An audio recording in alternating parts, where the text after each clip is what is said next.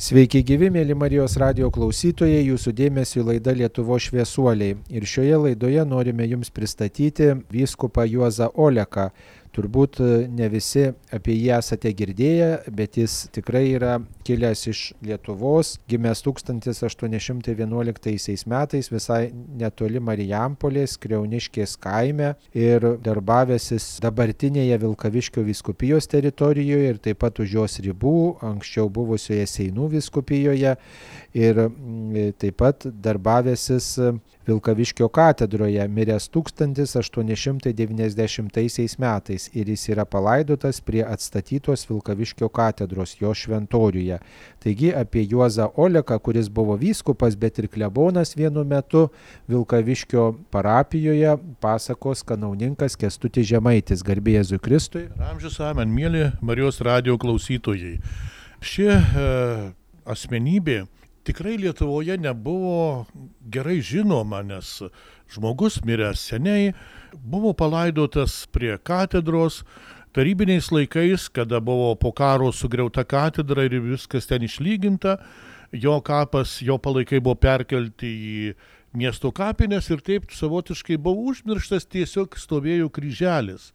Bet lankantis Lomžoje, kur yra didelė mūsų Vilkaviškio viskupijos archyvų dalis, tai yra iki maždaug 1914 metų, nes po to pirmo pasaulinio karo metais vėlgi buvo tokia suirutė, radau vyskupo Juozo Olekos bylą.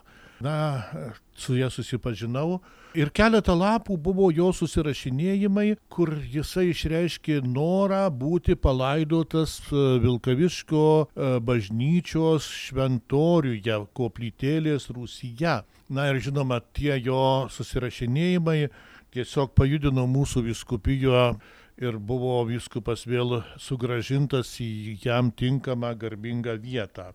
Tai buvo va štai tokia galimybė susipažinti su jo gyvenimu ne tik iš atsiminimų, bet ir iš konkrečių dokumentų. Na, apie vyskupą Oleką esu rašęs ir kalbėjęs ne dėl to, kad buvo surasta jo asmens byla, nu galbūt ne vien dėl to, bet skaitydamas pirmojo telšių vyskupo Justino Staugaičio atsiminimus radau tokią mintį, kad vyskupas Juozas Oleka, kuris klebonavo Vilkaviškyje, yra nusipelnęs kanonizacijos. Tai yra stiprus pasakymas. Jeigu vyskupas Staugaitis sako, tai jis iš tikrųjų buvo įsitikinęs ir jo šitie užrašyti žodžiai buvo gerokai anksčiau, nu prieš, galima sakyti, beveik prieš šimtmetį. Na ir Staugaitis daug geriau žinojo apie Oleką negu mes dabar. Tai šitie žodžiai privertė mane domėtis minėtąją asmenybę ir kuo daugiau surinkti žinių. Teko parašyti ir į Lenkijos spaudą straipsnį ir Lietuvoje spausdinti. Ir štai šitą asmenybę žavi ir labai džiaugiuosi, kad aš šiandien galiu apie jį jums kiek nors papasakoti. Lietuvos užnemunė 20-ame amžiuje gali girtis gana didelėmis asmenybėmis tiek 20, tiek jau ir 19 amžiui.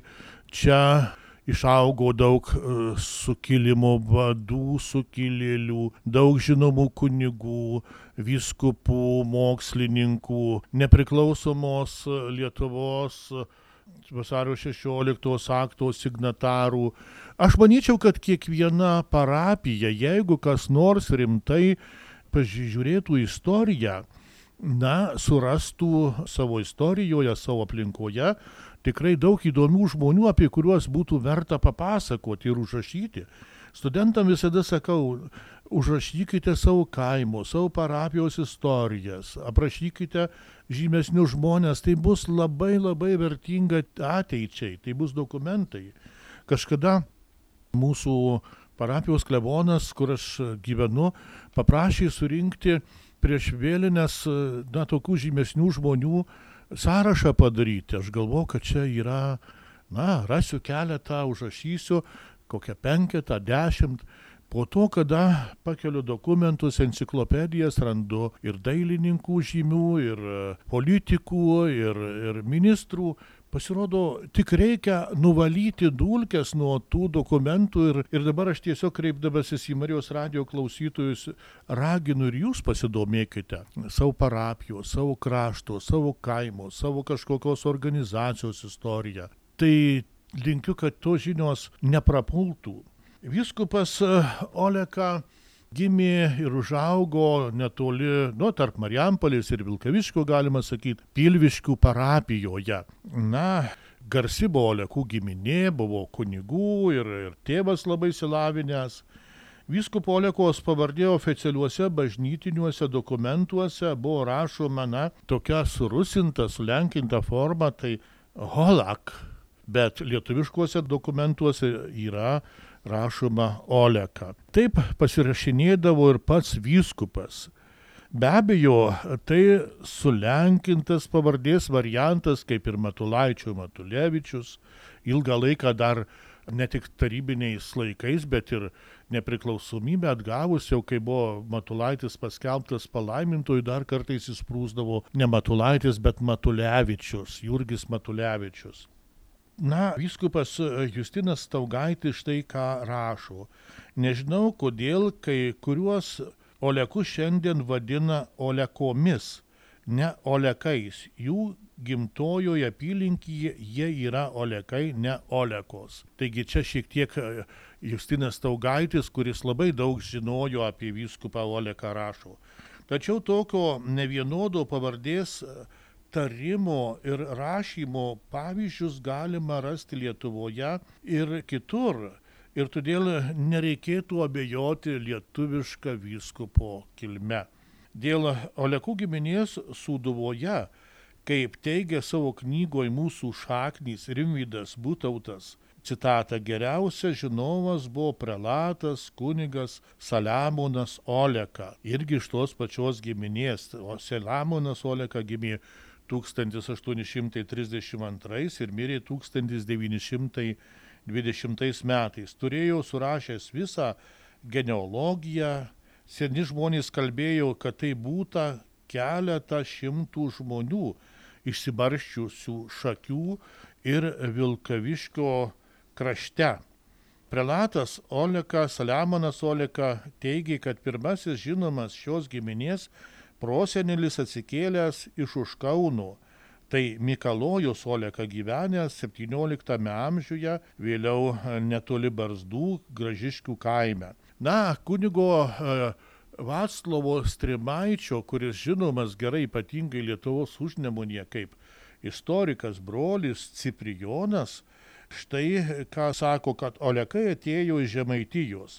Vienas apsigyveno kitoje, Višakio upės pusėje. Vienas Oleka mokėsis Vilniaus universitete, turėjo gana didelį ūkį, vyskupas senatorius, Golaševskis jį netgi savo patarėjų buvo pasiemęs. Taigi matome, šitą tokia įžanga rodo, kad tai yra iš gana mokytų žmonių kilęs, iš lietuviškos giminės, iš ūkininkų ir, na, žinoma, iš tokios gražios šeimos nes tuomet e, tikintys kaimiečiai praktikavo ir tokias, na, bendražmogiškas savybės, tai yra vaišingumą, e, svetingumą, pakeleivį priimti. Dabar jau, kai šitokie laikai yra neramus laikai ir sunku pasitikėti žmogumi, turbūt nelengva būtų gauti nakvynę keliaujant. O tuomet, žinoma, ir kelionės kitokios buvo, kaip, na, viskupas Staugaitis rašo, kad jis iš Suvalkyjos į Žemaitiją ilgai keliavo su nakvynėmis, nes arkliuku nuvažiuoti tiek kilometrų per dieną, nu kiek 20-30 nuvažiuodavo ir reikėdavo stabdyti ir arkliukui duoti pailsėti ir pernakvoti ir tuos apylinkės buvo mažiau žinomos. Gana glaustai Juozo Olekos dvasinio pašaukimo kelią aprašo vėlgi minėtas Vaclovas Trimaitis, kilęs iš Seinų viskupijos, dabar Vilkaviškio, iš Hunskų parapijos ir štai ką rašo kunigas Trimaitis. Būsimasis vyskupas pradžios mokslą gavo namuose. Gimnazijos mokslą Seinų vaivadijos šešiaklasėje mokykloje. Ja baigiant iškilo taip vadinamas lenkmetis ir mokykla buvo uždaryta. Na, kodėl lenkmetis? Tai yra sukilimų įtaka Lietuvoje 1832 metais įstojo į Seinų dvasinę seminariją, po metų perėjo į Varšuvos seminariją, kuri na, buvo vadinama dvasinė akademija. Ja baigė teologijos kandidatų laipsnių ir išventintas kunigu 1837 metais, kaip gabų ir maldingą neopresbiterį, kaip rašo kunigas Tremaitis vyskupas paliko Varšuvos kurčnebylių kapelionų. Čia parašė kurčnebylių žodyną būsimasis vyskupas, pirmą tokios rūšies vadovėlį pasaulyje, na, Strimaičio teigimu, šiandien sunku būtų pasakyti, nes nebuvo tuo metu kažkokių tai savadų internetu patikrinti, bet jau mes matome, kad būsimasis vyskupas taip pat linksta prie žmogaus problemų. Kuršnebyliai, nu įsivaizduokime, kokia šiandien situacija žmogaus, kuris negirdi, nekalba, jis turi tam tikras socialinės garantijas, o tuo metu, na, vos negalima sakyti, kaip tais Kristaus laikais, kai sėdėjo Elgeta, aklas Elgeta ir maldavo, kad kažkas pamaidintų ir, ir prašo, kad Kristus jį pagydytų. Ir štai kai Kristus pagydo, jisai džiaugiasi gyvenimu. Taip ir čia būsimasis vyskupas stengiasi padėti šitiems nelaimingiesiems.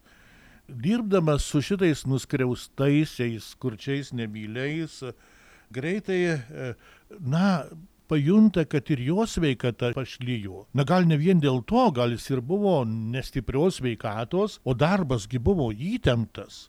Na pabandykime padirbėti kur nors ligoninėje, kur yra sudėtinga situacija, pasėdėti prie ligonio, ne tik dieną, bet ir naktį, matysime, kad tai nėra šiaip savo kur nors konferencijoje pakalbėti ar, ar kažkur sudalyvauti kokiam renginyje.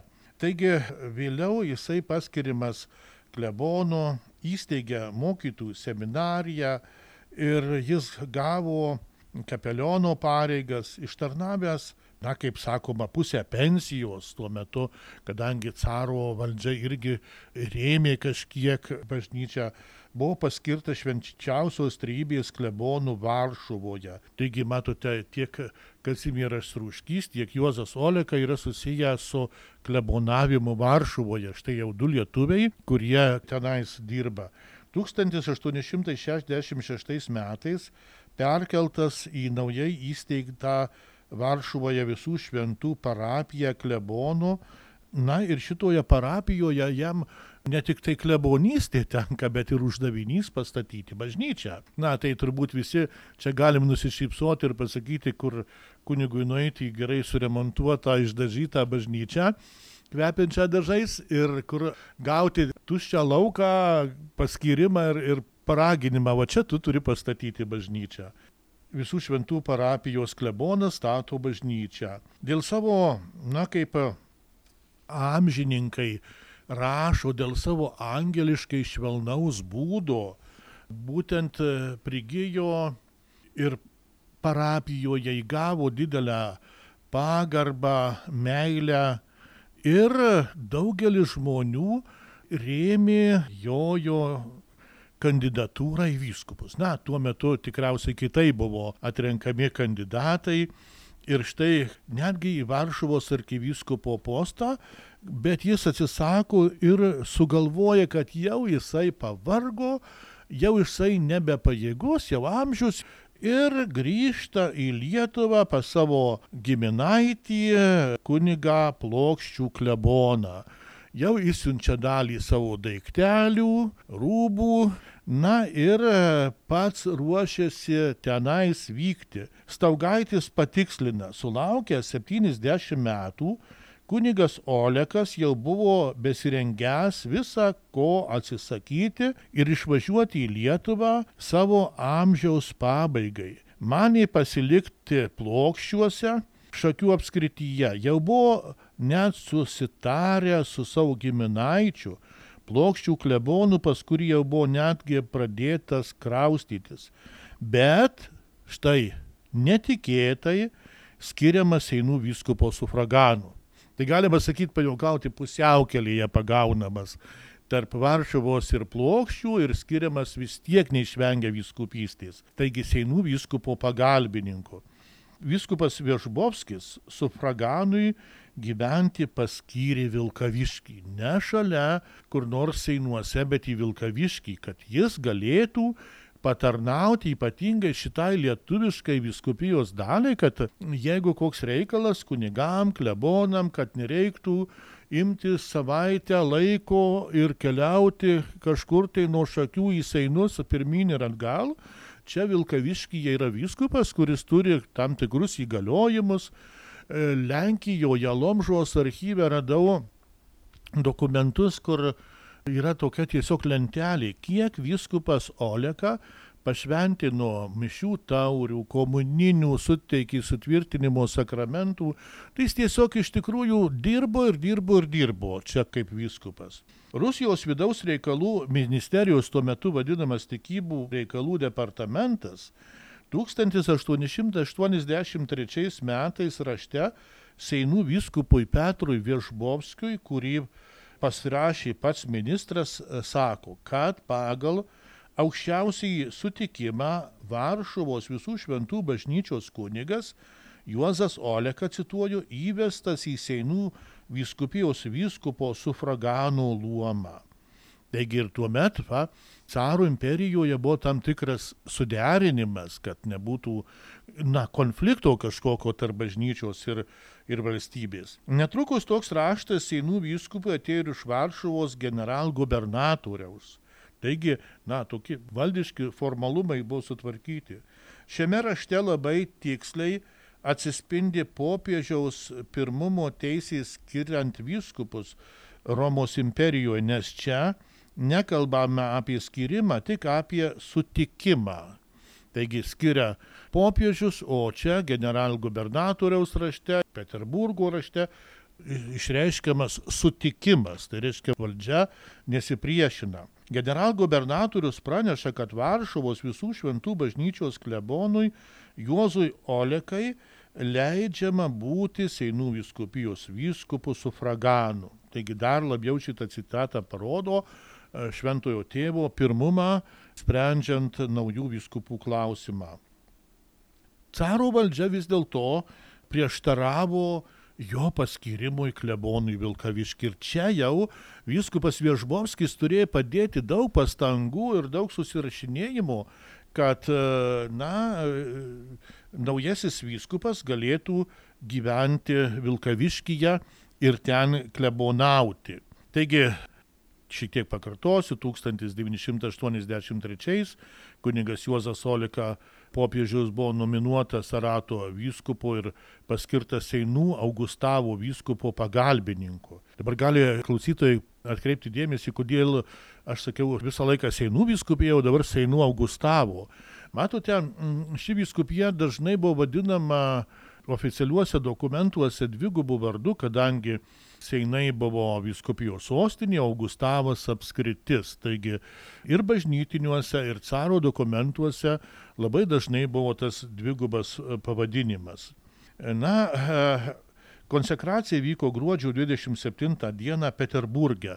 Mes matysime, jeigu pažvelgtume į to laiko viskupų biografijas caro laikų, tai matysime, kad daugelio vyskupų iš Lietuvos konsekracijos vykdavo Peterburgė ir ten katalikų arkivyskupas juos konsekruodavo. Jo paskirimą, aišku, kaip jau minėjau, lėmė šventojo sosto ir, žinoma, caro skirimas, o caro valdžios sutikimas. Vis dėlto po daugelio tokių susirašinėjimų e, jam buvo leista vykti į Vilkaviškį ir tenais jisai apsigyveno. Dabar kiek jisai galėjo darbuotis šitoje lietuviškoje dalyje, na matot, tuo metu Seinuo viskupija buvo padalinta kaip ir visos vyskupijos į dekanatus, bet juos galima būtų skirstyti į pagal gubernijas, tai būtent suvalkų ir lomžus. Ir štai čia žiūrėkime, kokie tai buvo suvalkų dekanatai, kurie arčiau jau mūsų lietuviškos dalies. Na, Augustavas tai yra tarsi tarp vidurio, Kalvarijos, Marijampolės, Seinų, tai ten jau žinomas yra vyskupas ordinaras, Suvalkų, Vilkaviškio ir Vladislavovo. Na, čia turbūt ne vienas klausytojas dabar gali pasuk galvą. O kas tas Vladislavovas? Ne Vladislavas, bet Vladislavovas. Būtent vyskupo Olekos laikais Vladislavovu buvo vadinamas Kudirkos naumiestis. Vėliau, žinoma, tapo naumiesčių ir galiausiai Kudirkos naumiesčių, bet tas senasis iš carų laikų atėjęs pavadinimas Vladislavovas. O Lomžos dekanatai buvo Kolno, Lomžos, Mazovietsko ir Ščiucino Lomžos gubernijos. Tai dabar mes galime įsivaizduoti, kuriam krašte veikė ordinaras daugiau ir kuriam būtent vyskupas Oleka. Na, apsigyvenęs e, Vilkaviškyje, Oleka gauna galimybę, suteikiama jam galimybė ir klebonauti. Na, apie jojo klebonavimą išlikę labai daug tokių įdomių pasakojimų. Pirmiausia, tai toks galbūt ir šypsena sukels dalykas, na, jo jo noras kaip nors pagydyti arba bent išlaikyti plaučius sveikesnius. Mes žinome, kad pušys yra labai geras dalykas. Pušynė būti, tai gydyti plaučius, žiūrėkit, važiuodavo žmonės į Šveicariją, į Zakopanę, kalnuose tyras oras ir tas pušų kvapas arba palangoja ankstyvą pavasarį, kol dar nėra karščių. Tai viskupas Oleka atsinešęs buvo į kambarį, bent taip prašo, pušinių lentų, kurių sakai skleidė kambaryje kvapą, pušų kvapą. Ar tai buvo ar ne, nu, bet tokis pasakojimas yra išlikęs. Ir žinot, čia yra įdomus dalykas, kodėlgi neatsinešti kokią pušinę lentą, kad jinai suteiktų kažkokį tai palangos pušino kvapą. E, labai buvo uolus kaip dvasininkas. Kartais sakoma, kad ateina žmogus į, į kleboniją, pasitinka vikaras ir klausia, ką norite. Sako, aš noriu pas vyskupą. Tada įleidžiama interesantas pas vyskupą ir už keliolikos minučių žiūri vikarai, kaip vyskupas pasėmęs tašiukę eina pas ligonį. Sako, būtų pasakę, mes būtume nuėję, bet sako, pas vyskupą, nu tai pas vyskupą. Taigi reiškia, vyskupas eidavo ir pas ligonius Vilkaviškyje ir nepaprastai buvo labdaringas. Kartais, sakoma, reikėdavo prilaikyti, kad netiduotų paskutinį kažkokį mėgstinį ar batus, kai žmogus ateina paverkšlena, kad jam, nu gal iš tikrųjų labai sunku gyventi. Ar po kokio gaisro, kai viskas sudegė, ar, ar kokia kita nelaimė, tai viskupas eina į savo spintą ir atiduoda marškinius, atiduoda mėgstinį. Va, taip jisai dalindavo savo daiktus, nepaisant, ar tai žmogus katalikas ar ne katalikas, lietuvis ar nelietuvis, bet tiesiog savo meilę norėjo visus apglėpti. Taigi šalia to gilaus tikėjimo ir darbai, kaip apaštalas Jokūbas rašė, tikėjimas ir darbai galbūt ir suformavo vyskupo Staugaičio e, mintyje tuos žodžius, kad šitas žmogus vertas kanonizacijos. Taigi tie tokie labai gražūs gražūs prisiminimai. Dar vieną dalyką norėčiau pasakyti, tai būtent apie jojo gyvenimo, šiek tiek jo gyvenimo pabaigą, kaip švento žmogaus, tai būtent vyskupas Juozas Olika mirė 1890 metais, spalio 27 dieną Vilkaviškyje.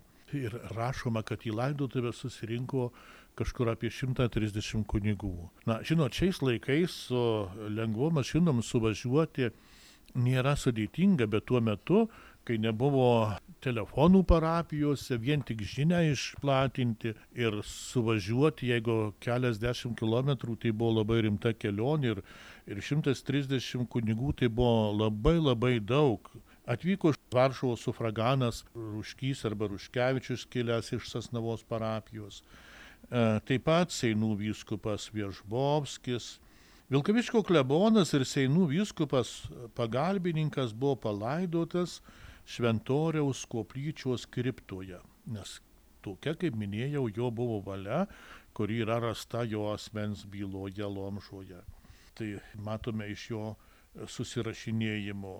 Ir žinoma, tarybiniais laikais ta kripta buvo, kai koplytėlė buvo nugriauta, kapas išlygintas ir kažkaip statant telefono stulpą buvo tiesiog surasta kapas, jisai buvo apiplėštas, išniekintas ir palaikai išvežti į kapines, vėliau buvo garbingai perkelti į šventorių, kur ir dera, kad ilsėtųsi tokio iškilaus, šviesaus ir šventojo ganytojo palaikai.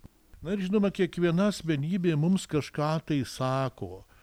Na ir vyskupo Olekos asmenybė sako, kad šventas gyvenimas yra susijęs pamaldus gyvenimas su gerais darbais, kurie kaip paukštį dviem sparnais kelia į dangų. Turbūt vyskupas Juozas Oleka vienas pirmųjų Lietuvos kunigų, kurie rūpinosi neįgaliųjų sielovada. Neteko girdėti, kad XIX amžiuje ir vėliau kunigai domėtųsi šią sritimį, o štai jisai turbūt ir mokėjo kurčnebilių kalbą, kad e, parengė net ir vadovėlį tiem žmonėms. Taip, ir tai yra tiesa, nu, ir tai rodo, kad ir šiais laikais kažkaip tai dvasininkai turėtų ieškoti galimybių. Žinoma, ne kiekvienas galbūt išmoks tą kurčnebylių kalbą, bet vienas kitas išmoks tą, kitas galbūt gabus yra kažkur tai karito srityje darbuotis, kitas ir tiesiog eiti, eiti į žmonės ir kaip ir Kristus, na jo gyvenimas, visas žemiškas gyvenimas buvo paženklintas gerais darbais, kaip prisiliesti prie žmogaus bėdos ir skausmo, tai yra daug geresnė galimybė sutvirtinti jam tikėjimą, negu tik tai pasakyti, pamoralizuoti ir visiškai neužjausti žmogaus. Tai va, viskupas Oleka jau tuo metu suprato šitą pastoracinę sielovadinę galimybę. Dar viena detalė liūdėjanti apie jo tokį rūpestį, tai jis pasikvietė Česlovą Sasnauską kaip vargonininką, kad tą muzikinį lygį bažnyčioje keltų ir jį globojo. Gal apie tai kažką dar galite papasakot? Na, aš tiesiog norėčiau vėlgi atkreipti dėmesį į tai, kad liturgijos grožis irgi yra nepaprastai svarbus dalykas. Žinoma, kalėjime sovietmetyje kunigai laikė mišes iš įvairių indų tiesiog pasigamintų iš puodelių, iš aukštų ir manau, kad ta auka buvo nepaprastai miela viešpačiai. Tačiau, kai yra galimybės, čia va būtent šitas jūsų pavyzdys įrodo, kad liturgijos grožis, gėdojimas, apėgos, gestai, laikysena, taip pat e, pakelia dvasę aukštyn, žiūrėkite, mes galime ir iš Bizantinės bažnyčios pasimokyti, kaip ten. Ir ten sakoma, kad bažnyčioje negali nieko būti nebažnytiško, bet ne, ne, nebažnytinio stiliaus, taigi paprastų baldų ar, ar kažkokių tai iš salonų indų va, pavyzdžiui, rankom plauti, kad ir graži lėkštelė, viskas turi būti bažnytiška, o ypatingai gražus gėdojimas. Taigi čia vėlgi viskupas Oleka rodo mums tokį pavyzdį, kad Ir tarp kitko ir studentai pabrėžia tokį dalyką, kad liturgijos grožis, gėdojimas taip pat uh, nuteikia žmogų pamaldžiai ir, ir jis vėlgi nori sugrįžti.